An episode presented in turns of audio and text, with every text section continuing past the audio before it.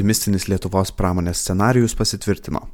Gamybinių pajėgumų panaudojimas grįžo į prieš pandeminį lygį, gamybos apimtis pasiekė naujas aukštumas, o suplanuotos investicijos priartėjo prie rekordinio 1 milijardo eurų lygio, kurį matėme 2018-2019 metų laikotarpiu. Pandemijai slenkant į antrą planą ryškėja iššūkiai, kuriuos šalies gamybos įmonėms teks spręsti artimiausioje ateityje.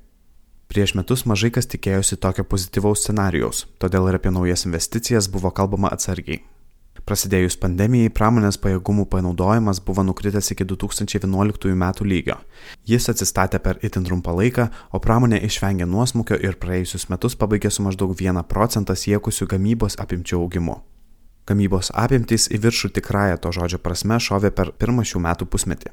Statistikos departamentas skaičiuoja, kad 2021 m. sausio Liepos mėnesiais pramonės produkcija sudarė 14,8 milijardus eurų ir palyginti su analogišku praėjusiu metų laikotarpiu išaugo daugiau kaip 17 procentų.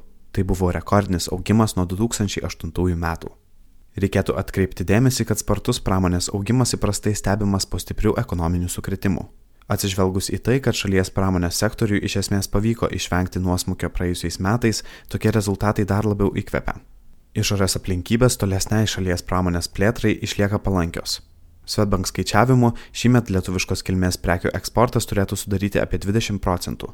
Dėl spartaus atsigavimo svarbiose vakarų eksporto rinkose panašaus augimo galima tikėtis ir kitą metą. Tačiau su sėkme ateina ir konkretūs iššūkiai. Pirmiausia, tai darbuotojų stygiaus ir sparčiai kylančių darbo sąnaudų iššūkis. Su tuo šalies gamybininkai gana sėkmingai tvarkėsi pastaruosius keliarius metus. Nepaisant augusių darbo sąnaudų, jiems pavyko stabiliai didinti gamybos produktivumą ir išlaikyti produkcijos konkurencingumą.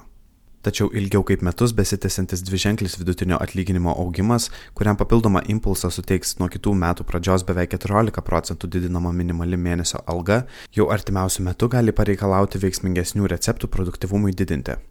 Čia galima pasiguosti nebent tuo, kad darbo sąnaudos sparčiai auga visose aplinkinėse Baltijos ir Šiaurės šalių rinkose, todėl tai kiek sušvelnina neigiamą įtaką mūsų įmonių konkurencingumui.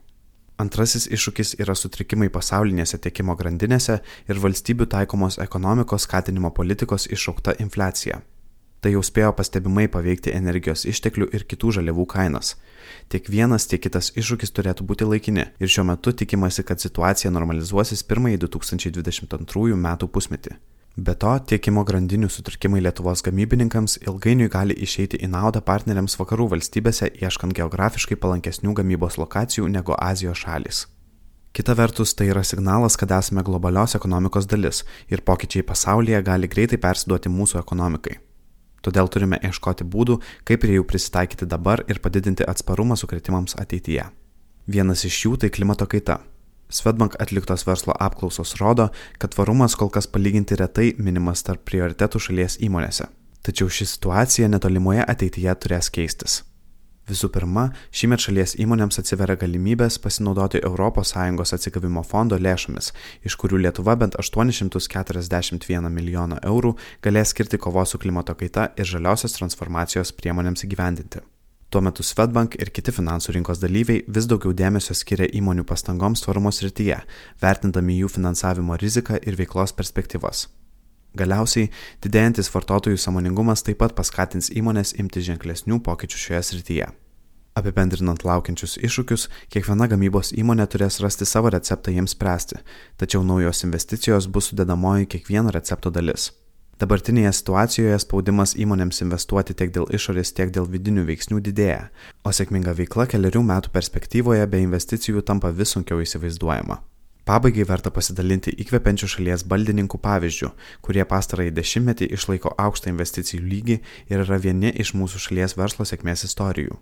Pavyzdžiui, nepaisant lėto pramonės augimo praėjusiais metais, baldininkai pardavė savo produkcijos už beveik 2 milijardus eurų arba maždaug 5,5 procento daugiau negu ankstesniais metais. O prieš gerą dešimtmetį Lietuva galėjo pasigirti tik nemažu žaliavinės medienos eksportu. Ši transformacija įvyko ne per vienerius metus ir tam žinoma reikėjo laiko, bet baldininkai kartu su medienos ir chemijos sektoriais šiandien yra vieni iš daugiausiai investuojančių verslų Lietuvoje. Todėl šiandieninėje situacijoje teiginys investuoti į savo sėkmę yra itin tikslus. Komentarą paruošė Svetbank verslo klientų tarnybos vadovas Antanas Agatauskas. Įgarsino Kristijonas Vaičiukauskas.